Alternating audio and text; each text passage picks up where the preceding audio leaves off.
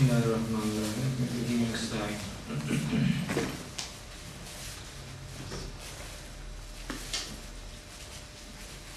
İki hafta evvel zorunlu bir ara vermek durumunda kaldık.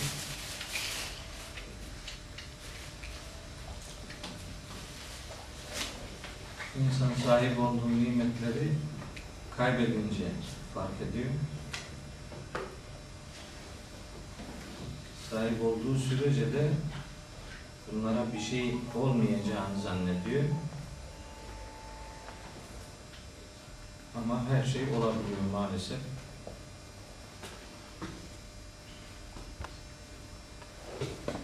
Başka rahatsızlıkları bilemiyorum ama bir adamın beli tutmuyorsa yani yatağa mahkum oluyorsunuz işte. Daha yapacak hiçbir şey yok. Sürekli yatıyorsunuz. Bir doktora gidiyorsun diyor ki gezeceksin. Öbürüne gidiyorsun diyorsun ki sakın ayağa kalkma. O zaman ben de diyorum ki yürüteçle biri gezdirsin. Yani, yani sen diye ya ikisinin dediği olacaksa öyle olacak. Başka çaresi yok. Ama hamdolsun iyi sayılırız. Demir ilavelerle ayakta duruyoruz. Öyle bir mengeneye sıkışmış gibi bir halimiz var hali hazırda. Korse taktık.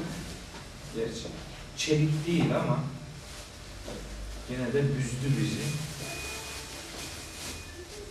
Çelik korse olunca daha sık, daha kip tutuyor. Bunu takınca aynanın karşısına geçtim dedim ki ha anca adama benzer. Zayıfladı. Öbür türlü böyle orantısız bir kilo. Yani insanın her tarafında kilo olsa önemli değil. Bizimki 15 santime sıkışmış. Yani öyle olunca o bel dayanmıyor ister istemez. Neyse sayalım onu eski dayandığı günlere diyelim. Ee, bugün Yasin suresinin kalan son bölümünü inşallah bitirmeye gayret edelim. Bundan sonraki dört hafta zaten olmayacak. İşte haftaya Perşembe günü inşallah Hollanda, Belçika, Fransa ve Almanya memleketlerinde oradaki kardeşlerimize Kur'an'ı anlatmak üzere eee, 20'ye yakın konuşma yapmak üzere gideceğiz. Nasıl olacak? Belirli bir sürpriz yapar mı yapmaz mı onu da bilmiyorum ama dedim ki ya Rabbi söyleyeceğim sözler eğer senin dinine bir yardım anlamı taşıyorsa benim ayağa kalkmam lazım. Bu yattığım yerden olmuyor. Yok eğer bir faydası yoksa zaten yatağa mahkum olursun, hiçbir yere sallanamazsın, olur biter. Bugün bu kadar kalktık. 3-5 gün daha biraz daha düzeliriz herhalde. Nasip olursa gideceğiz. Derslerimiz inşallah Mayıs ayının ilk haftasından itibaren yine bıraktığımız yerden devam etmek üzere İnşallah yani arzumuz o ömrümüz olursa o istikamette devam edeceğiz. Yasin suresinin eee 68 ayetini okuduk Kalan son bölüm ayetin bir bölümü 76. ayete kadar olan ki kısmı farklı bir şeyden söz ediyor. 77'den 83'e kadar farklı bir içerikte önümüzde duruyor. Estağfirullah. 69. ayette buyuruyor ki Yüce Allah وَمَا عَلَّمْنَاهُ الشَّعْرَ وَمَا يَنْبَغِي لَهُ biz ona şiir öğretmedik. Zaten gerekmezdi. Ona şiir öğretmedik ifadesi bir karşı çıkışın cevabı olarak burada bulunuyor. Çünkü Mekke müşrikleri Hazreti Peygamber'in vahiy diye söylediği bu gerçekleri Hazreti Peygamber'in şeytandan öğrenmiş olduğunu iddia ediyorlar. Ona şair, büyücü gibi suçlamalar yöneltiyorlar idi. Hatta Necm suresinin ilk ayet grubunda buraya bir gönderme vardır. Ya da buradan oraya bir gönderme vardır. Diyelim çünkü Necm suresi Yasin'den önce indirildi. Necm suresi indiriliş sırasına göre 23. suredir. İniş sırasına göre. Dolayısıyla Yasin'den önce indirilmiştir. Orada Necm suresinin ilk grup ayetinde buyuruyor ki Yüce Allah ve necmi idâ heva işte sarktığı zaman yıldıza yemin olsun diye tercüme edilir. Tabi ben bunun yıldız filan olduğuna hiç kare değilim. Necim, Kur'an parçacıkları demektir. Parça parça indirilen Kur'an'a yemin olsun anlamını almak lazım. Çünkü Necm'in burada yıldız manasına gelmesinin hiçbir anlamı yoktur. Necm kelimesi evet yıldız anlamına gelir ama neccemeye dönüştüğü zaman necim necceme formuna dönüştüğü zaman tencim mastarı olur. Tencim tencim ise Kur'an'ın peyderpey indirilmesinin teknik bir adıdır. Tencimul Kur'an diye bizim bir terimimiz vardır. Kur'an'ın tenzili gibi, peyderpey indirilmesi gibi. Tencimul Kur'an.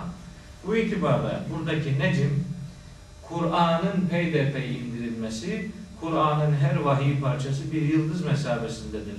Dolayısıyla ama yıldıza, nesnel, gezegen anlamında yıldıza değil, yıldızlaşan Kur'an parçacıklarına yemin olsun demek. Tencim kelimesiyle bu anlam ilişkisi vardır. Hatta bir hatırlatmada daha bulunayım sırası gelmişken. Vaka suresinin 75. ayetinde de böyle bir ifade var. Felestağfirullah. Fela uksimu bi mevaki'in nucum. Yıldızların yerlerine yemin ederim diye tercüme edilir. Bu da hatalıdır.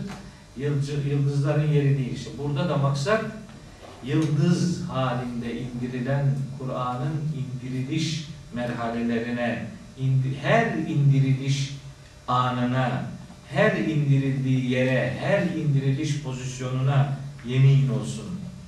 Oradaki nücum ile Kur'an'ın peyderpey indirilmesi demektir. Ve necmi ilaha hevadaki de o demektir. Niye bu manayı özellikle veriyoruz? Çünkü ikinci, üçüncü, dördüncü, beş, altı, yedi, sekiz, dokuz, on, on bir, on iki ta on sekizinci ayete kadar bir konu anlatılıyor ve bu Kur'an'la ilgili konu.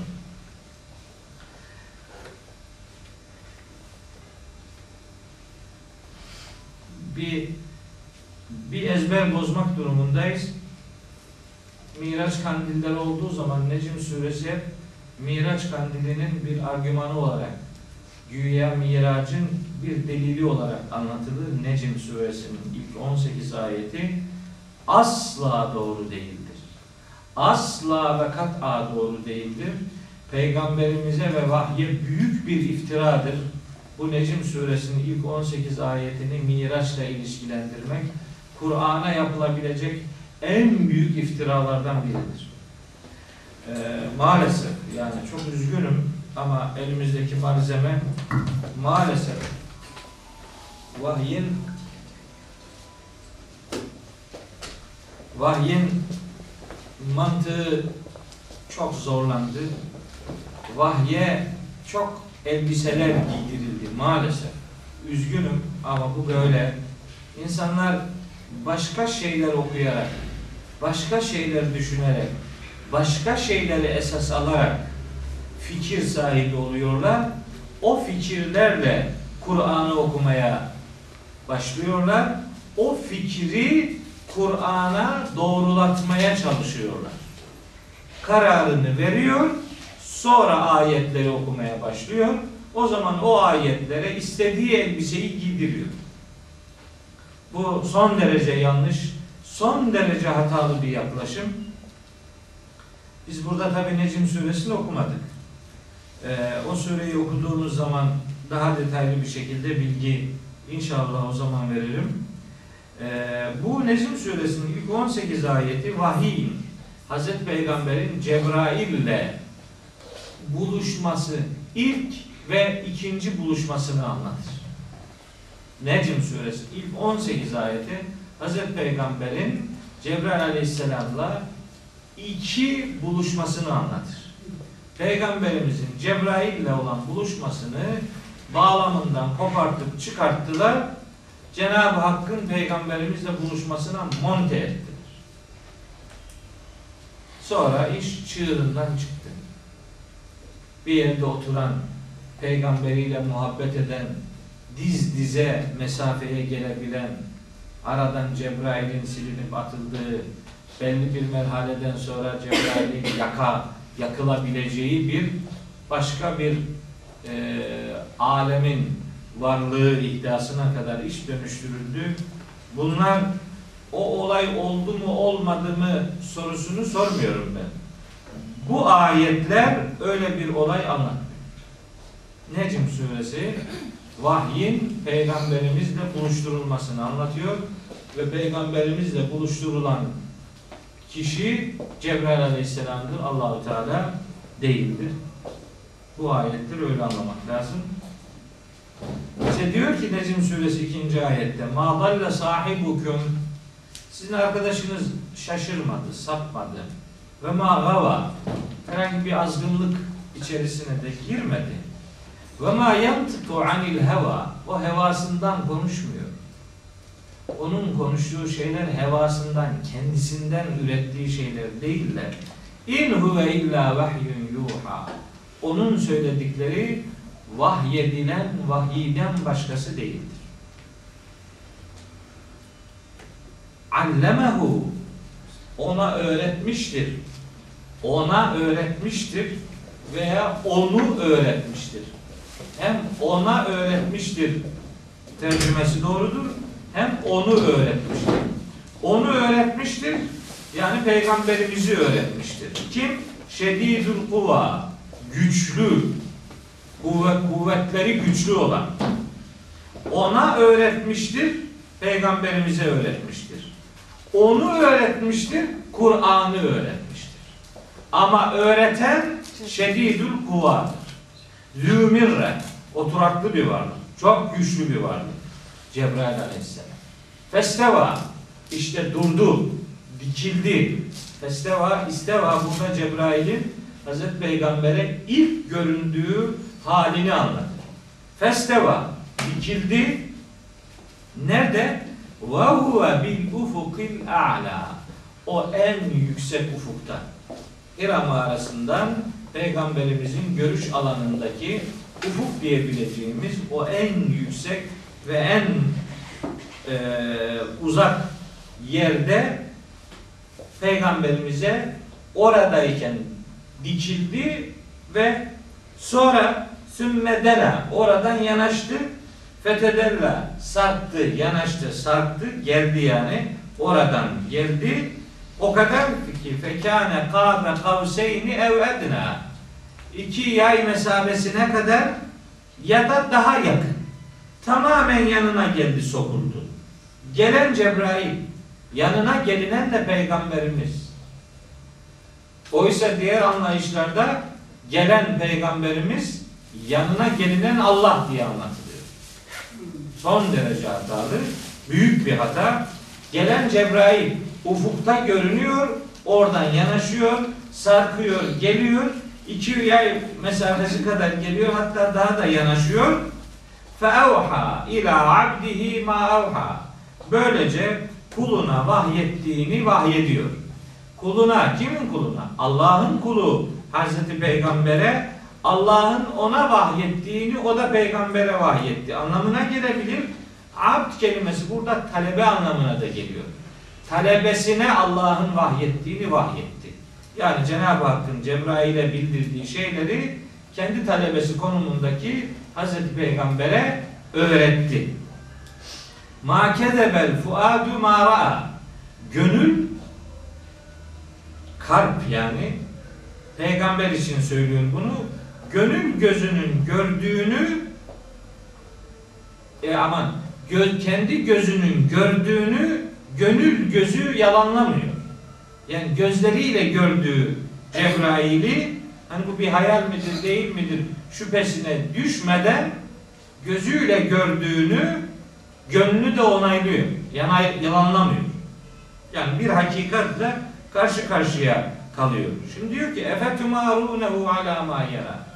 Onun görmekte olduğu şeyle ilgili siz şimdi onu kınıyor musunuz? Ve lekad ra'ahu. Onu bir daha da görmüştü. Ra'ahu. Görmüştü. Ne zaman? Nezleten uhra. Bir inişinde daha görmüştü. İki defa indi. O, o bir öbür iniş dediği de Tekvir suresinde anlatılıyor. Tekvir suresinde diyor ki ve in esenillah innehu lekavlu rasulin kerim. Kur'an çok şerefli bir elçinin sözüdür. O şerefli elçi Cebrail. Li kuvvetin inde zil arşi. Arşın sahibinin katında güçlü olan, mekinin, işte kuvvetli olan, güçlü olan, muta'in semme, orada kendisine itaat edilen, hürmet edilen, eminin, güvenilir elçi. Ve ma sahibukum bi mecnun. Onun sözlerini getiren vahiy meleğidir. Sizin arkadaşınız delirmiş filan değildir. Ve lekad ra'ahu onu görmüştü bil ufukil mubini. Açık ufukta onu bir daha görmüştü. İşte o iki Cebrail Aleyhisselam'ın iki defa asıl suretinde peygamberimize görülmesiyle ilgili ifadeler bu iki surede geliyor. Bu peygamberimizin Cebrail ile olan vahiy alışındaki pozisyonunu anlatan ifadeler işte sonra değiştiriliyor. İşte manası başka taraflara çekiliyor. İnde sidretil munteha. Sidre-i Münteha'da onu bir daha görmüştü bir inişinde daha. Şimdi Sidre-i Münteha'yı yani bu gökler aleminin bilmem ta bilmem nerelerindeki bir yer diye anlatıyorlar. Hiç ilgisi yok. Sidre-i Münteha şu uzaktaki sidre ağacının yanı demek. Uzakta sidre, münteha, uzakta yani şehrin biraz daha ilerisinde bir sidre ağacı var. Orada. Neredeymiş orası? İndeha cennetül me'va. Durulacak bir bahçe, böyle böyle muhtemelen piknik yapılacak bir yermiş yani. Orada ağacın yanında işte geldi Cebrail aleyhisselam ona. Bu kadar yani. Bunu buradaki bir bahçeden ve bir ağaçtan aldılar, çıkarttılar ta bilmem alanın bilmem ta nerelerinde Cenab-ı Hakk'a da böylece bir mekan isnat ettiler. Allah'a sidre-i müntehada cennetül mevada oturan orada dinlenen bir varlığa dönüştürdüler. Bunu anlatan da ağlıyor, dinleyen de ağlıyor. Herkes ağlıyor. Allahu Teala bir yerde oturuyor, misafirlerini haşa orada ağırlıyor gibi anlatılıyor. Hiç ilgisi yok yani. Ne diye iftira ediyorlar Kur'an'a bilmiyorum. İz yavşe sidrete ma yavşa. O anda o ağacı bürüyen bürümüştü. Vahiy böyle ağaçla ilişkili bir kavramdır da aynı zamanda. Hz. Meryem'e ağaçtan Cebrail seslenmişti. Bu da o. Burada da ağaçtan seslenme, vahiy o ortamı bürümüştü demektir. Bunlar diyorlar ki sidre-i müntehayı hep işte bürüyen bürümüştü. Mazâgel basaru ve mataha göz kaymadı, azmadı filan. Ya orada ne göz var, ne, ne azmaktan söz ediyorsun? Buradaki bir hakikati anlatıyor. Ve lekad ra'a min ayati rabbihi kübra. Böylece peygamber Rabbinin en büyük ayetlerinden birini görmüştür. Şimdi bu Rab, Rabbinin ayetlerinden birini ifadesini diyorlar ki Rabbinin ayetlerinden önemli bir bölümünü diye tercüme ediyorlar. Önemli bir bölümü yok. Bir tane. Bir tanesini gördü. Neyi gördü? Cebrail. Gördüğü o. Onu gördü. Ondan sonra diyor ki Efereytumul lâte vel uzza ve menâte zâlisetel uhra. Siz bu peygamber size vahiy okuyor diye onu suçlayıp duruyorsunuz. Peki ya sizin şu latı bir düşünün bakalım. Şu üzzaya bir bakın bakalım. Ve menâte zâlisetel uhra. Şu üçüncüsü olan menatı bir düşün. Bu mu size bir şey konuşuyor da siz onun sözleriyle bizim karşımıza dikiliyorsunuz? Onun gördüğü Cebrail idi. Onun söylediği sözler Cebrail'in ona vahyettiği sözlerdir. Onu kınamayın. Onu kınamak demek, onu inkar etmek demek, Allah'ı inkar etmek demek. Cebrail Aleyhisselam Hazreti Peygamber'e getirdiği vahyin nasıl geldiğini, ilk gelişini ve ikinci gelişini iki asıl suretinde iki defa görüşüne gönderme yapan bir bölümü işte buradan çıkarttılar. Yazık ki Miraç diye bir yolculuğa monte ettiler. Miraç var mıdır yok mudur onu konuşmuyor. Dikkat ederseniz. Konum o değil. Ben Miraç diye anlatılanın Kur'an'a iliştirilmesinden bunalıyorum. Kur'an'da miracın M'sine bile işaret yok. Rivayetlerde var de. Onları da konuşurum. Sonuna kadar. O ayrı bir dert. Ama burada Miraç'la ilgili hiçbir işaret yok. İsra var, o kadar. Kur'an'da sadece İsra var, gece yolculuğu var. O da bir rüyadan ibarettir. Anlatıldığı gibi cesediyle beraber uçup gitmiş filan değil. Hazreti Ayşe diyor ki kim onun o gece yatağından kalkıp gittiğini söylüyorsa onun getirdiklerini inkar etmiştir. Bir rüya. Onun rüya olduğunu da zaten o sure söylüyor. Fakat anlamıyorum yani Kur'an'ı okumadan kanaat sahibi olmanın yaşattığı büyük felaketler var. İsra suresinin birinci ayeti bu yolculuktan söz ediyor. İsra suresinin birinci ayeti. Yine İsra suresinin 60. ayeti onun bir rüya olduğunu söylüyor. Ama cealne ru'yelleti ereynake. Sana gösterdiğimiz o rüya insanlar için bir denemeden başka bir şey değil. Bu kadar. Bunu işte doldurdular içini, doldurdular, doldurdular. Efendim bazıları peygamberimizin orada bütün peygamberlere namaz kıldırdığını söylüyorlar filan. Ben bunları bir türlü anlamıyorum. Bütün peygamberlerimizin, bütün peygamberlerin Hazreti Peygamber'e uyduğunu söylüyorlar. Bütün peygamberler Hazreti Peygamber'e uydu söylüyorlar. Oysa ben bunun tersini biliyorum Kur'an'da. Açın En'am suresi 90. ayetini bakın.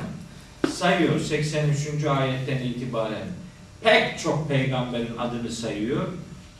En çok da burada peygamberlerin adı vardır. 83, 84, 85, 86, 87'de devam ediyor, ediyor, ediyor. En sonunda diyor Ulaikellezine hedallahu.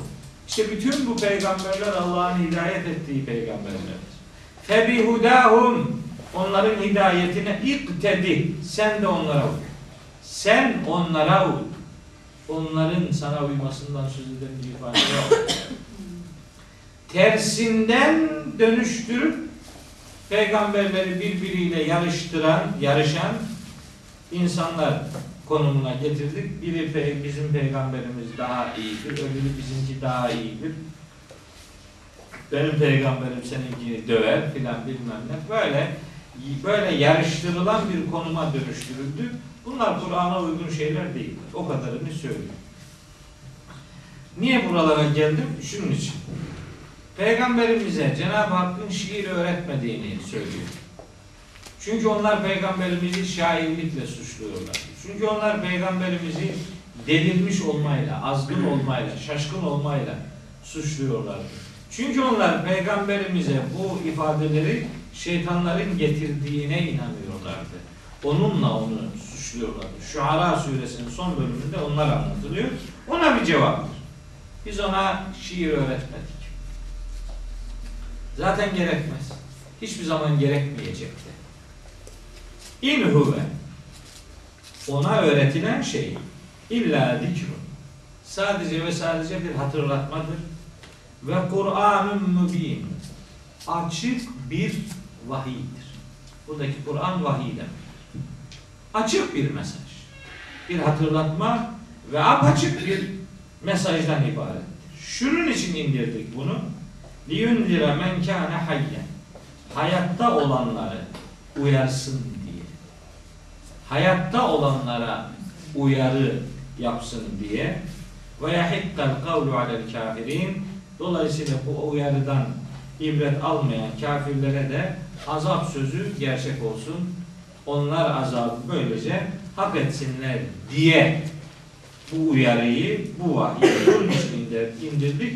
Dolayısıyla peygamberi suçlamaya gerek yok. O kendiliğinden konuşmuyor. Onun din diye söylediği şeyler, vahiy diye ortaya koyduğu şeyler ona ait şeyler değiller. Cebrail'in ona getirdiği bilgilerdir. Cebrail'in getirdiği bilgileri o insanlara sunuyor. Başkaca yaptığı bir üretim faaliyeti yok. Kendisi bir şeyler uydurmuyor. Dolayısıyla Cenab-ı Hak peygamberimizi Mekkeli müşriklerin yalanlaması aşamaları yaşanırken çok üzülüyor peygamberimiz. Onu teselli bağlamında diyor ki ona Yüce Allah 32. ayet En'am suresinin قَدْ نَعْلَمُ اِنَّهُ لَيَحْزُنُكَ الَّذ۪ي يَقُولُونَ Ee, şöyle diyenlerin sözlerinin seni üzdüğünü biz biliyoruz. Ne diyor? İşte sen uyduruyorsun, yalan konuşuyorsun anlamında peygamberi suçlayanların sözleri seni üzecek. Biz bunu biliyoruz. Ama feinnehum aslında onlar la yükezzibuneke seni yalanlamıyorlar. Velakinne zalimine bi ayatillahi yechadun. O zalimler Allah'ın ayetlerini yalanlıyorlar. Seni yalanlamıyorlar. Gerçekten peygamberimizi yalanlamıyorlardı. Çünkü hicret ettiği esnada bile Mekke'deki evinde onu yalanlayanların malzemeleri onun yanında güvenilir insan olarak onun yanında bulunuyor. Onu yalancılıkla suçlamıyorlardı. Sözlerini yalanlıyorlarsa asıl yalanlanan sen değilsin. Onlar Allah'ın ayetlerini yalanlıyorlar diye işi üzerine alıyor Cenab-ı Hak. Burada da konuşulan şeyler peygamberin kendi sözleri değildir. Bunlar şeytan kaynaklı şiir de değildir. Şiirin şeytan kaynaklı olmayanı da vardır. Olmayanına Kur'an'ın dediği hiçbir karşı çıkış asla söz konusu değildir. Ama Kur'an'ı şiir gibi gösterenlere bu bir uyarıdır. Uyarının asıl sebebi Cenab-ı Hakk'ın bu kitabı, bu vahyi insanlara, hayatta olanlara uyarıcı olsun diye gönderdiğidir. İşin özetle gerçeği bundan ibarettir. Başkaca bir şey değildir. Ee, devam ediyor Eserbillah. Evrem yarar. Bunlar hiç mi görmediler? Enna halakna lehum biz onlar için yarattık. Mimma amilet eydina en'amen. Kendi ellerimizle, kendi gücümüzle demek, kendi sistemimizle yarattığımız hayvanları hiç mi görmüyorlar? Fehum leha malikun. Bizim yarattığımız bu hayvanlara şimdi onlar sahiptirler. Ve zellelnâhâ lehum. O hayvanları onlar için boyun eğdirdik. Öyle yarattık. Feminhâ rekûbuhum. Hayvanlardan bir bölümünü binek olarak kullanıyorlar. Ve minhâ ye'külûne bir bölümünden de yiyorlar. Bir bölümünü yiyorlar diye tercüme etmiş bazı mealler. Yani hayvan bir bölüm hayvan yenmez. Hayvandan bir bölüm yenir. Hayvan olduğu gibi yenmez yani. Yani derisi yenmez. Bilmem şurası burası. Hayır bir bölümünü, bini bir bölümüne biniyorlar, bir bölümünü yiyorlar diye tercüme ediyor. Yanlış. Minha onlardan bir bölümü binek olarak kullanıyorlar ve minha hayvanlardan bir bölümünü de bir hayvanın bir bölümünü de yani yekülüne yiyorlar. Hayvanı komple yiyorlar anlamı çıkmaz.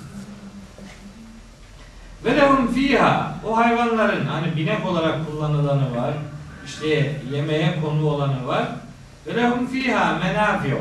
Hayvanlarda insanlar için çeşitli menfaatler var. Ve meşarib işte içilecek e, kaynaklar da kabul edilebilir hayvanlar. Sütü içilir, balı işte içilir. İçilecek kısmı vardır. Başka menfaatler de var. Nedir başka menfaatler? İşte taşımacılıkta kullanılabilir. Yününden yararlanılabilir.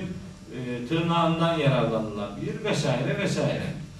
E, her türlü insanların menfaatine olabilecek e, kullanımlar dizayn ettik hayvanlar için. Onlara baksınlar. Efela yeşkurun. Hiç mi? Niçin şükretmiyorlar hala bunca nimeti onlara bahşetmesine karşılık? Daha önce 33. ayetten 44. ayete kadar Cenab-ı Hakk'ın kudretini anlatan o yedi başlıktaki meselelere bir sekizincisi burada hayvanlarla ilişkili olarak ilave ediliyor. Cenab-ı Hakk'ın kudretine ve insanlar için yarattığı bu güzelim nimetlere gönderme yapıyor. Ondan sonra diyor ki وَاتَّخَذُوا مِنْ دُونِ اللّٰهِ آلِهَةً Onlar Allah'ın düğününde ilahlar edindiler. Düğün, düğün den başka anlamına tercüme edilebildiği gibi onun altında, onun peşi sıra, onun arkasından anlamına da gelir. Dün alt demek, aşağı demek. Allah'ın altında, aşağısında, Allah'ın peşi sıra. Başka ilahlar edindiler. Başka ilahlar da edindiler. Yani bu adamlar Allah'a inanıyorlar. Allah'tan başka ilahlar edindiler demek sanki bunlar Allah'ı kabul etmiyorlarmış gibi anlaşılabilir. Bu doğru değil. Allah'ı kabul ediyorlar.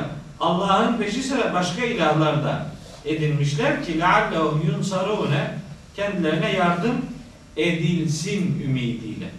Güya ilah edindikleri bu varlıkların onlara bence dünyada yardım bekliyorlar. Ben öyle anlıyorum bu ayetleri. Ama bazıları Mekkeli müşriklerin bir bölümünün ahirete inandığını söylüyorlar. Eğer inananlar varsa ahirete e, onların ahirette putlardan yardım bekleyeceği şeklinde bu ayeti yorumluyorlar. O da doğru olabilir ama bence onların asıl beklentileri dünyadaki sistemlerine daha daha üst düzeyde katkı bulunması yönündeki bir bekleyiştir. Putlardan şefaat beklemeleri de aslında bu anlamda dünyada biraz daha torpilli hale gelmeleri sağlansın diye idi o beklentide. Çıkar olabilir mi hocam? Çıkar da- Dünyadaki çıkarlar işte. Her yani çünkü adamlar Allah'a inanıyorlar. Mekkeli müşrikleri Allah'a inanmayanlar diye tanıtan bir yanlış bir bilgilendirme ile yüz yüz olduk. Müşrik Allah'a inanan adamdır. En az 50 tane ayet var Kur'an'da onların Allah'a inandığını gösteren. Onların kınandığı nokta Allah'la beraber başka ilahlar edinmeleridir. O kınanıyor. Onun için müşrik deniyor ona zaten. Müşrik ortak koşan demektir. Ortak koşan ismini alan biri ortak koştuğu bir varlık var ki ona başkalarını ortak koşuyor. İşte bunlar Allah'a inanıyorlar ama başka ilahlar da ediniyorlar. İşte Cenab-ı Hak bu başka ilah edinme işlemine şirk adını veriyor. Oysa la yestati'une nasrahum. Onlar onlara yardım edemezler. Ve hum lehum cundun muhtarun. Onlar onlar için hazırlanmış askerdirler. İki anlamı var şimdi bunun. Onlar onlara, onlar onlara. Bir anlamı şu. O putlar putperestlere yardım edemezler. Aslında putlar putperestlerin askeri olacaklar. Kıyamette ateşe sunulacaklar. Onlar peşi sıra gelecekler. Böyle bir anlamı var, tersi de var. Kendileri kıyamette o putlara yardım edemeyecekler. Onlar ateşte bulundurulma noktasında putların askerleri olacaklar. Putperest de putlar da. Putların yanmasının ne anlamı vardır? Eğer nesnel anlamda ağaca, taşa, bilmem ne bir, bir, bir, bir madene herhangi bir e, heykel türü bir puta tapıyorlarsa onun yanması iki anlam ifade eder. Bir, o put küçümseniyor, o da yanacak. Yanacak olandan yardım beklemenin ne anlamı var? O da gidecek. Bir anlamı budur. Onlara onları küçük düşürmeye yöneliktir. Bir anlamı da insanların put diye tapındığı şeyler genellikle böyle çok güçlü varlıklar diye algılanan şeylerdir. İşte demirden yapıyorlar, tunçtan yapıyorlar, başka başka madeni eşyalardan, madeni e, yapılardan oluşturuyorlar putları. Onları da yakan bir cehennemden söz ediyor ki bu da cehennem ateşinin şiddetini ifade ediyor. Dolayısıyla zinhar ondan uzaklaşılması öğütleniyor. Ha bu tapılanlar eğer insan iseler, eğer insanlar insanlara tapıyorlarsa o tapanlarda, tapılanlarda ruzi mahşerde ateşin muhatabı olacaklardır diye bu ayetleri anlamak durumundayız. Fela yahzunke kavluhum. Onların daha önce söyledikleri sözlerde, bundan sonra söyleyecekleri de, hala hazırda söylemek, söylemekte oldukları sözlerde seni üzmesin. İnna ne'alemu biz biliyoruz. Ma yusirrune ve ma yu'linun. Onların gizlediklerini de biliyoruz, ilan ettiklerini de biliyoruz. Niye yusirrune kelimesini kullanıyor? Peygamberimize aslında demek istiyor ki senin duyduğun söylenenlerin sadece bir bölümü. Söyledikleri halde senin duymadıkların daha fazladır. Söylemek istedikleri halde içlerinde sakladıkları senin duyduklarından çok daha fazladır. Şimdi o o bölüm bitti. Şimdi son bir bölüm yarım saatte toparlayabileceğimi sanıyorum. Son bir bölüm eğer Müslümanın bu bölümü mutlaka bilmesi gerektiğine inanıyorum. Çünkü böyle bir ifade toplamı Kur'an'ın başka hiçbir yerinde yok. Sadece burada var. Böyle bir ustalıklı anlatım sadece burada var. Şöyle başlıyor. Mesela, Evelem yaral insan. Şu nankör adam hiç mi görmedi? Hiç mi düşünmedi? Hiç mi düşünmedi demek yani görmedi mi sorusu cevabı beklenen bir soru değil. Görmedi mi demek biliyor aslında ama inadına inadına fikir yürütmüyor. Acaba bu ne demektir diye onunla ilgilenmiyor. Görmezlikten geliyor. Enna halaknahu biz insanı yarattık min nutfeti. Bir nutfeden yarattık. Nutfe eee, daha önce bilmiyorum geçtiğimiz surelerde anlatmışımdır. Nutfe kelimesi Kur'an'da iki anlamda kullanılan kelimelerden biridir. Nutfe kelimesi eğer döllenme öncesinden söz eden bir ayette geçiyorsa sperm demektir nutfe. Eğer bütünüyle bir insandan söz ediyorsa nutfe e, zigot demektir. Zigot. Daha öncelerde ben işte bu kürtajla ilişkili konuşmalarında e, şöyle diyordum. İşte 6 haftaya kadar çocuğun ana karnında alınabilmesine dair işte bir takım fetvalar veriliyor. E, bir takım işte serbestiyetlerden söz ediliyor. Bazı rivayetleri bu anlamda kullandıkları görülüyor. E, ben bunların hiçbirinin doğru olmadığını düşünüyorum. E, bir ana rahminde ana rahminde eğer erkeğin hücresiyle kadının hücresi buluşmuş ise yani 23 kromozom babadan 23 kromozom anneden gelmiş 46 kromozomlu bir zigot oluşmuş ise işte o işte o insandır. Daha önce ben bilmeden hata yapıyordum. İkide bir embriyo diyordum. Meğer insanın embriyo olmadan önce de bir safhası var. İşte nutfe safhası o. Nutfe embriyo öncesi safha. Embriyo aslında alak kelimesiyle ifade ediliyor. Nutfe kelimesi embriyo öncesini anlatıyor. Yani zigot halini anlatıyor. Spermin yumurtayla buluşması hali. Sperm yumurtayla buluşunca dün akşam bunu bir kadın doğum uzmanı e, doktor kardeşimden dinledim. Dün akşam dinledim.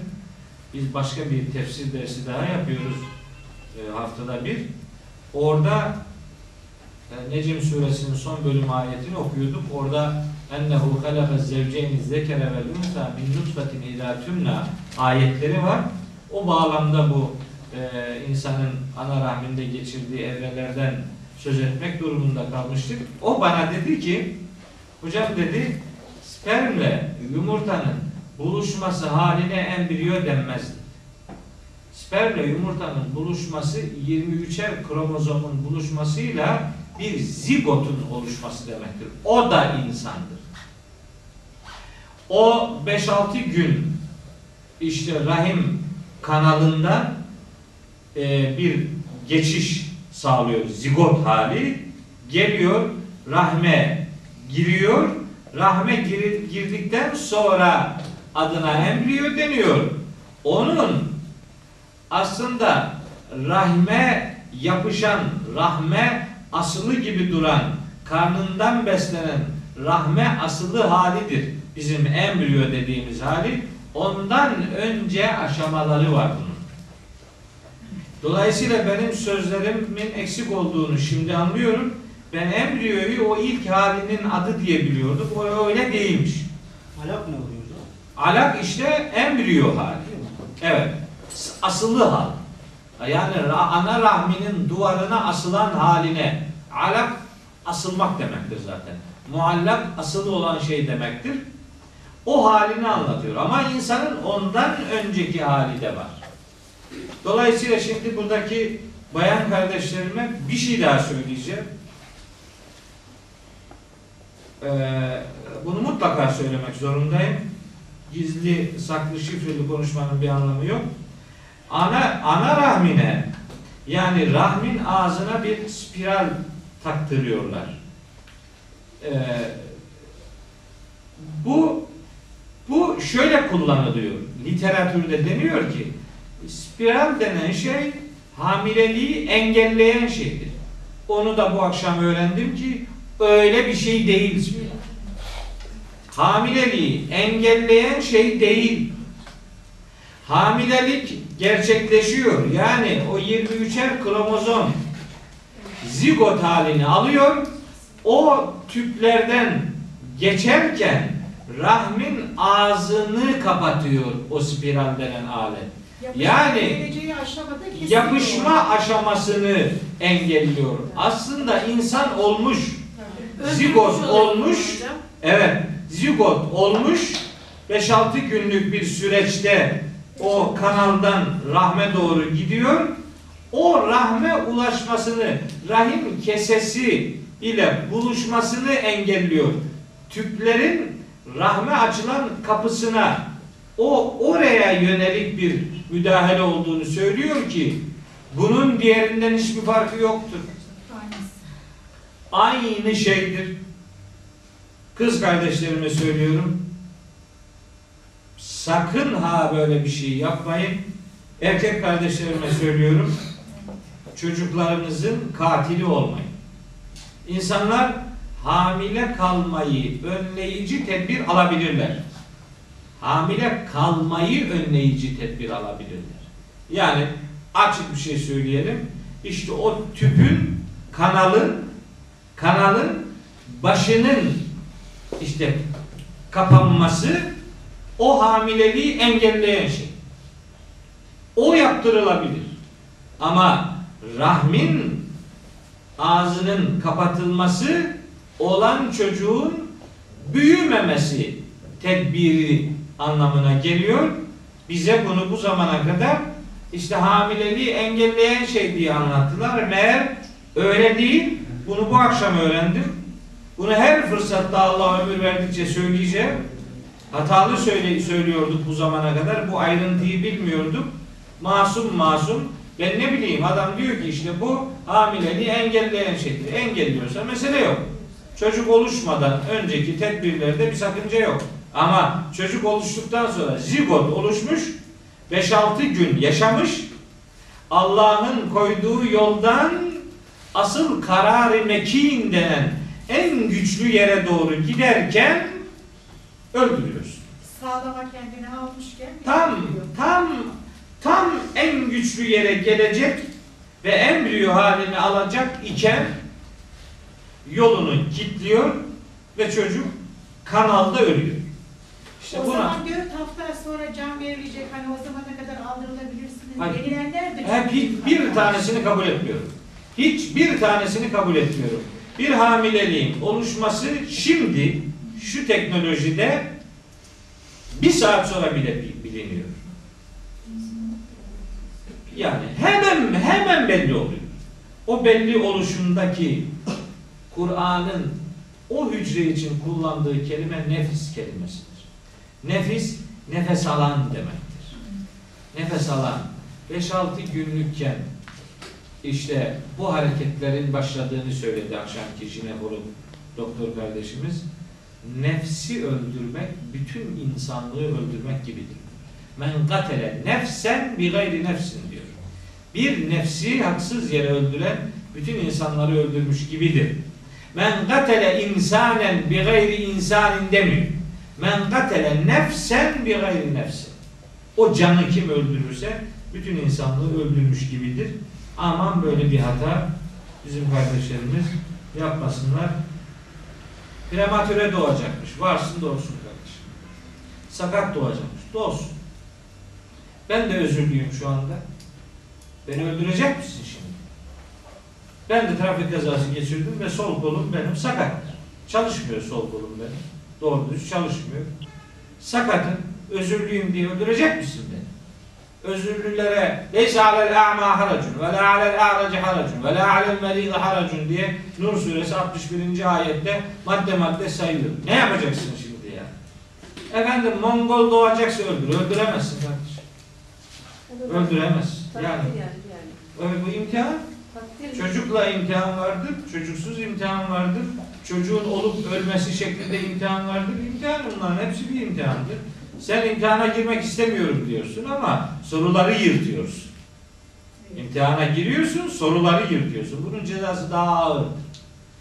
Dolayısıyla tedavi anlamında yapılacak her müdahaleyi doğru müdahale olarak isimlendirebilirim. Ama bunun dışında işte hamileliği sona erdirmek, sakat çocukları aldırmak filan bilmem ne bunlar bunlar çok tehlikeli şeyler. Allah'ın yaratma sistemiyle oynamak anlamına gelebilen çok tehlikeli, e, insanı çok açık sorumlulukların muhatabı yapan şeylerdir. Bunu bu vesileyle burada hatırlatmış oldum. Bu ara tar- tartışılan şeyler var. İşte taşıyıcı annelik diye bir şeyden söz ediyorlar. Bunu kabul etmem benim mümkün değildir yani. Böyle bir şeyi asla kabul edemem. Ee, ama şöyle bir şeyi kabul edebilirim.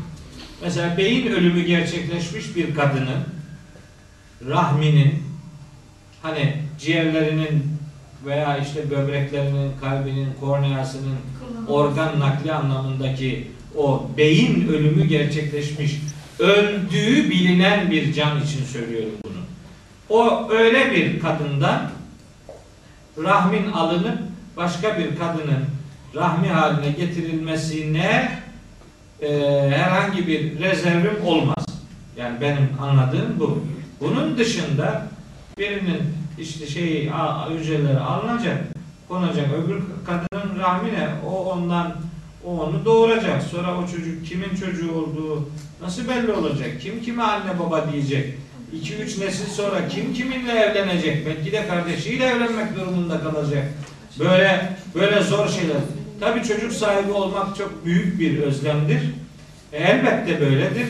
Ama çocuk sahibi olup imtihanı kaybetmektense çocuk sahibi olmadan imtihanı kazanmak daha akıllıcadır.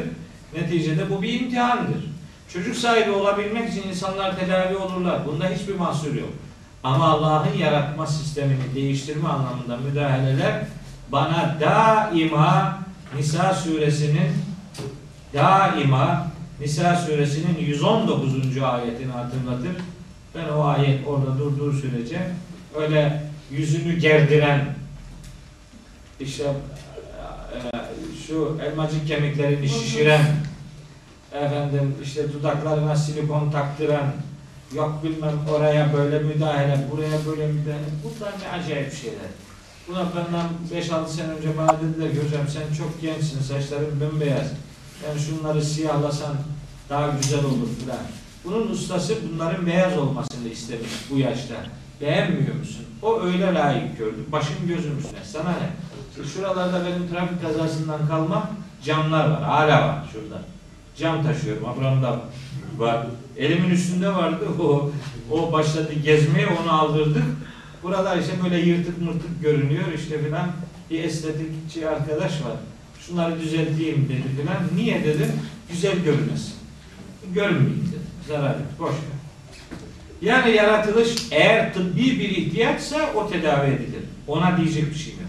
Ama sırf işte kendine göre bu elbiseyi sana diken Allah'ın terziliğini beğenmeyip de kendin terziliğe soyunursan bu Nisa suresi 119. ayetle bir sorun olduğunu gösterir. Benim şahsi kanaatim budur. Başkalarının neler dediğine karışmıyor.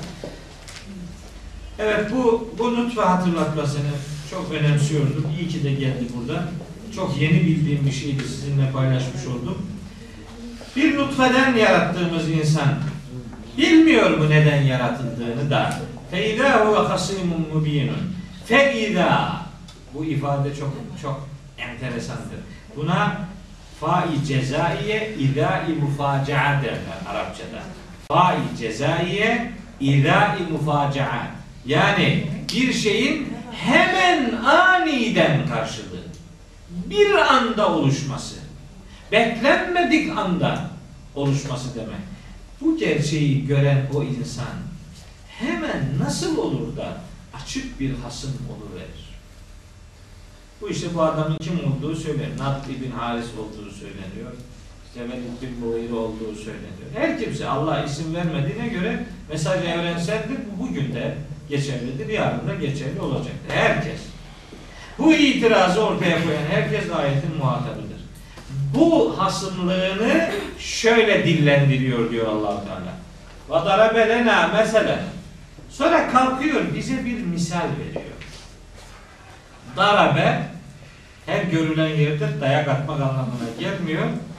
İşte böyle bir dayakçı zihniyetimiz de vardır kadınlara karşı. Darabe kelimesi dayak atmak diye tercüme ediliyor. Nisa suresi 34. ayette buna cinnet getiriyor. Bu nasıl böyle tercüme edilir? Efendim serkeşlik yaparsa onu biraz döveceksin. Ne kadar? Az.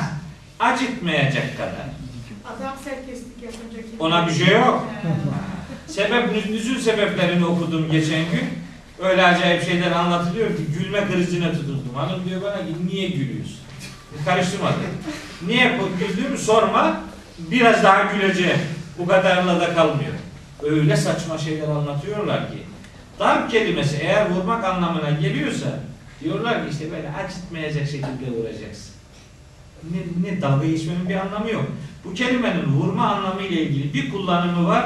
Muhammed suresi 4. ayette o da diyor ki فَاِذَا لَقِيْتُمُ الَّذ۪ينَ كَفَرُوا Size savaşacak kafirlerle karşılaştığınız zaman savaş meydanında fadar ve rikabi onların boyunlarını vurun. Bu vurma öldürmek demektir. O Nisa 34'teki kelimeye de eğer dayak vurmak anlamı vereceksen bu öldürmek gibi bir şey. Kadını vurup öldüreceksin. Doğrusunu Böyle saçmalık. Doğrusunu bulduk.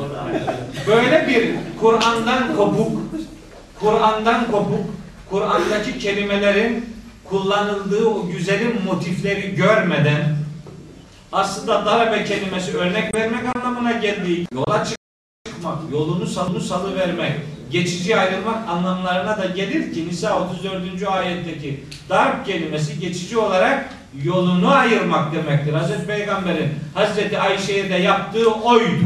Sürgüne göndermek anlamına değil. İşte öyle bir anlamı var. Kadın için henüz boşanma gerçekleşmediği için geçici ayrılmaktan söz ediyor. Peygamberimiz Hazreti Ayşe'yi işte bir ay bir sıkıntılı bir dönemde babasının evine göndermişti. Eğer orada maksat dayak olsaydı Peygamber Hazreti Ayşe'yi dövmeliydi. Eğer maksat dayak olsaydı Peygamberimiz Allah'ın emrini yapmayan ve yerine kendisi bir hüküm koyan adam konumuna gelirdi ve ondan sonra da mutlaka uyarılırdı. Uyarılmadığına göre oradaki kelime yolunu geçici olarak salıvermek demektir. Dayak vurmak anlamına asla gelmez. İşte darabelena mesela aynı kelime bakın. Başka bir kullanımda örnek vermek demek. Darabelena mesela. Kalkıp da bize bir örnek veriyor bu adam. Ve nesiye halkahu. Kendi yaratılışını unu- unutarak. Kale diyor ki Men yuhyin izame ve hiye. Bu da istifhami inkari dediğimiz bir kullanımdır. Yani soru soruluyor, cevabı beklendiği için değil. Dalga geçen. Bu Nadri bin Haris ya da onun gibiler diyorlar. Men yuhyin izame ve hiye ramim. Böyle un ufak toz toprak olmuş bu kemikleri kim diriltecekmiş ki? Yaratılışını unutarak öldükten sonra diriltilmeyi inkar ediyor. Nadir İbn Haris. Şimdi Allah ona üç tane cevap veriyor. Benim baba ayetlerim şimdi başlıyor. Üç ayet. Böyle bir kullanım başka bir yerde yok arkadaşlar. Sadece bu var. Diyor ki bak bir. Şimdi kim diriltecek? Yaratmayı sorgulayan, yaratmayla alay eden adama Cenab-ı Hakk'ın verdiği üç cevap. Bir. Kul de ki ona yuhyiha onu diriltecektir. Kim? Ellezî şu varlık ki enşe'eha evvele merratin. Onu ilk önce kim var ettiyse onu diriltecek olan da odur. Onu hatırlatıyor önümde diğer. Tabi. Onlar zaten biliyorlar. Sorsan insan kim yarattı, gökleri yeri kim yarattı diye sorsan Allah diyecekler. Kendi yaratılışının orijininde Allah'ı gören adam yeniden ihyayı niçin kabul etmiyor diyor Allah Teala. İlk yaratılış. Bu inşa. Yoktan var ediliş. İlk yaratılış. İnşa. İnşa ile neşir kelimeleri farklı nüansları vardır. Burada inşayı ilk defa onu kim yarattıysa o yaratacaktır. Hani insan insan değilken insan olmaya nasıl dönüştürüldüyse insan olup öldükten sonra diriltilmesi de o varlık tarafından yapılacaktır. Bu yoktan var etmeyi ifade eden bir kullanım. Hocam e, inkar edeni yaratma kavramına inanıyorlar onlar. Ve Tabii. inandıkları kavramla onları vuruyor. Onlara cevap veriyor. Evet. Vakti zamanında inandığınız bir gerçeği şimdi ne diye unutuyorsunuz? Ha, başka ayetler var. Ben bu konuda en az en az size 50 tane ayet okumak durumundayım aslında. Fakat bir tanesini söyleyeyim. Bir tanecik. İnsan suresinin birinci ayeti. En ete alel insane hinun dehri. İnsandan zaman türü, zamandan, dehirden yani güneş sistemini de içine alacak şekilde daha geniş bir zaman kavramı olarak dehirden bir süreç geçmedi mi ki lem yekün şeyen mezkura hatırlanabilir hiçbir şey değildi insan. Hatırlanmaya konu olabilecek bir varlık olmadığı zamanlar da yaşadı bu kainat. Ondan sonra yavaş yavaş başka başka aşamaları geçirdi, insan oldu. Allah onu insan yaptı. O ilk yaratılışın sahibinde Cenab-ı Hakk'ı kabul eden adam ihyada niçin kabul etmiyor? Madem birini kabul ediyorsun, o daha zordu. Yoktan var etmek idi o. Onu kabul ediyorsun. Şimdi vardan var etme aşaması bu daha kolay. Yoktan var etme anlamında Kur'an'da kullanılan birkaç kelime var. Biri beda'a kelimesi, biri fatara kelimesi. Yoktan var etmek. Hiçbir şey değilken var edilmek. Yoktan var etmeyi kabul ediyorsun da vardan var etmeyi niye kabul etmiyoruz? Bir, cevap, birinci cevap bu. Yaratılışın hatırlatılması ve vardan var edilmesi. Ve huve Allah bi külli halqin. Bunu tercüme ederken diyorlar ki Allah her mahluku bilir. Hayır. Bi külli halqin her yaratmayı alimun bilir. Her yaratma. Yani şimdi burada bir kopya veriyor bize. Demek istiyor ki yaratma sadece yoktan var etme şeklinde değil. Başka yaratmalar da var. Her yaratmayı bilir demesi sadece yoktan var edilme ya da vardan var edilme şeklinde değil diyor. Başka yaratmalar da var. Ne var mesela? Şimdi ikincisi. Ellezî o öyle bir varlıktır ki ceale leküm sizin için kılmıştır, yapmıştır, şekillendirmiştir. Mine şeceril ahdari yeşil ağaçtan, ıslak ağaçtan, yaş ağaçtan nara ateş yarattı. Feiza entüm şimdi siz hepiniz minhu tuqidun o ateşten tutuşturuyorsunuz. Yeşil ağaçtan ateş yaratmak. Yeşil. Yeşil ağaçtan. Yeşil ağaç demek aslında su demektir. Su demek aslında şimdi çok iyi biliyoruz ki iki atom hidrojen, bir atom oksijen demektir. Dahası biri yanan, biri yakan. Hidrojen ve oksijen ikisi birbirinin zıddıdır. Yanan ve yakan birbirinin zıddı olan hidrojen ve oksijeni belli bir atom sayısında buluşturup yanmanın da yakmanın da zıddı olan su yaratılıyor. Yanmanın da zıttı, yakmanın da zıttı. İkisinin zıttından su yaratmıştır allah Teala. Döndü bu defa sudan suyun zıddı olan ateşi yarattı. Allah zıtlardan zıtlar yaratan vardır. Zıtları yaratan, zıtlardan yeni bir zıt yaratabilen vardır. En uçlardan yeni uçlar var edelim bilen bir Allah, vardan bir yeni var etmesi niye garip karşılansın? Hidrojen yanıcı, oksijen yakıcıdır. Yanıcı ile yakıcı bir araya geliyor, söndürücü su yaratılıyor. Sonra o su öyle bir hale dönüştürülüyor ki suyu suyun zıttı olan ateşe dönüştürülüyor. Zıtlardan zıtları yaratmak Allah'ın işidir. Bunu ben yaptım diyor. Mark ve ufar ağaçları vardı. Mekke civarında kullanırlar. Mark ve ufar ağaçları onları böyle birbirlerine sürterek yakarlarmış. İşte ona işaret ediyor. Bu iki bu. Üç. Eveleyse'llezî halakas semâvâti vel arda biqâdir. Gökleri ve yeri yaratmaya kadir olan, gö- gökleri ve yere, gökleri ve yeri yaratan Allah bir kadir. Kadir değil midir? Ala en yahluka mislehum. Gökleri ve yeri yaratan Allah insanların benzerini yaratmaya kadir değil mi? Neyi sorguluyor? Çok daha büyük, çok çok daha efendim azametli, çok daha kavraması zor kütleleri yaratan, kürreleri yaratan Allah şu insan denen varlığın benzerini niye yaratmasın ki? Halbuki diyor ki halbuki ne güzel hemen çıktı. Mümin suresi 57. ayet. La halqus semavati vel ardı ekberu min halqin nas. Göklerin ve yerin yaratılışı insanları yaratmaktan daha büyük bir iştir.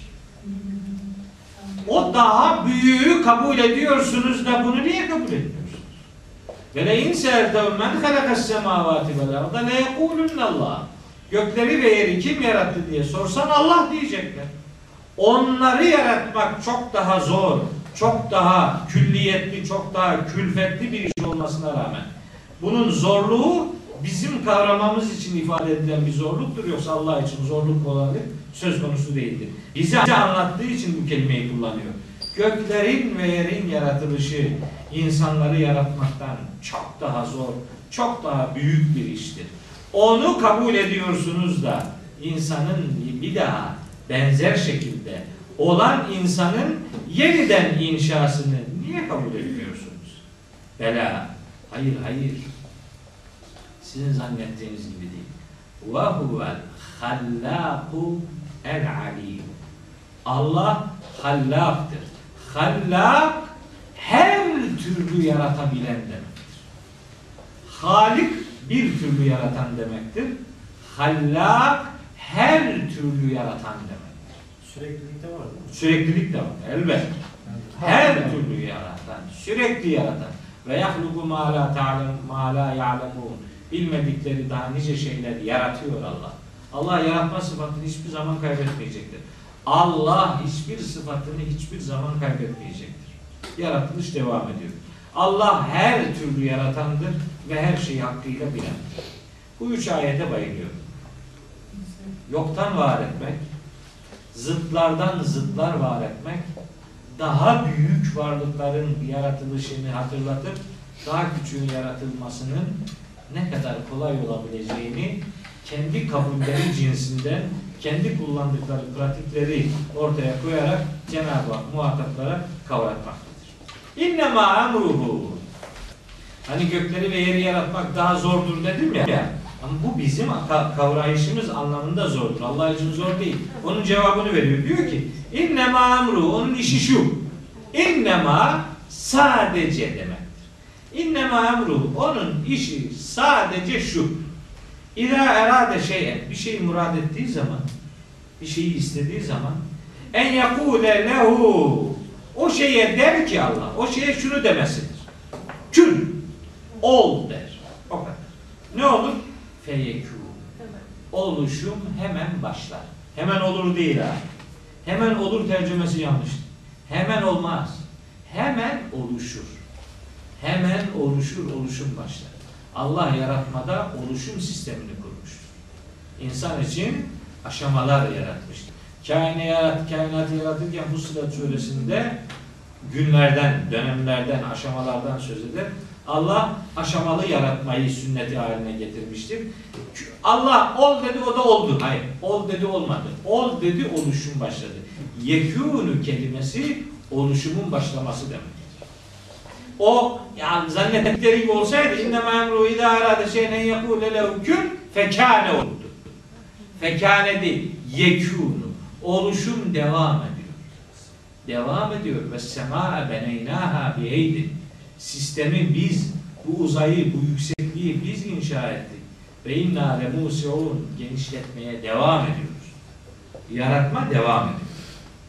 İşi bu. Ol der, oluşum başlar. Ol der, oluşum başlar. Öl der, ölür. Ölmenin aşaması yok. öl, öl, ölüyorsun Onun şeyi yok. Hastalıklar aşama değil mi? Yok hayır, aşağı ölüm, hastalıktan sonra ölmeyen bir sürü adam var. Evet. Fesübhane. Eksikliklerden tenzih ederim varlığı Allah'ı. Ellezi o öyle bir Allah'tır. Biyedihi sadece onun elinde, onun kudretindedir. Melekûtü külli şey. Her şeyin melekutu, idaresi, otoritesi sadece onun elindedir. Ve ileyhi ve yine sadece ona turcaune döndürüleceksiniz.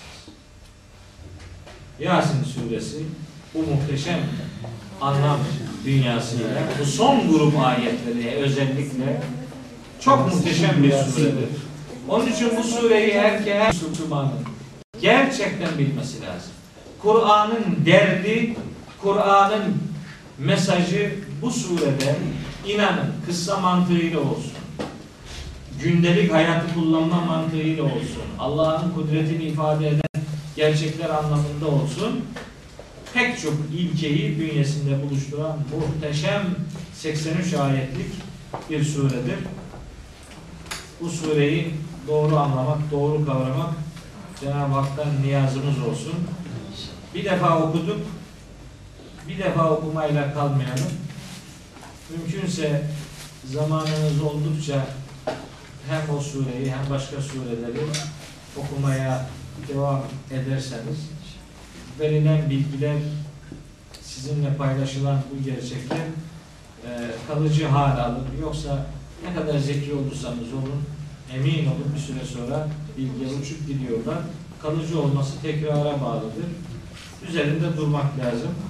Nasip olursa e, Mayıs ayının başında inşallah ilk haftası ayın kaç hangi gün ayın kaç olduğunu bilmiyorum ama işte Mayıs ayının ilk cumartesi günü nasip olursa biz bu yurt dışındaki 10-15 konuşmayı, 20 konuşmayı sonra Kutlu Bankası münasebetiyle Trabzon, Kastamonu, Yozgat ve Tokat il, illeri ve ilçelerinde yapacağımız yine bir 30 civarındaki bir konuşma ile e, Nisan ayını değerlendirmeye gayret edeceğiz. Cenab-ı Hak nefesimizi onun yolunda kullanmayı lütfetsin inşallah.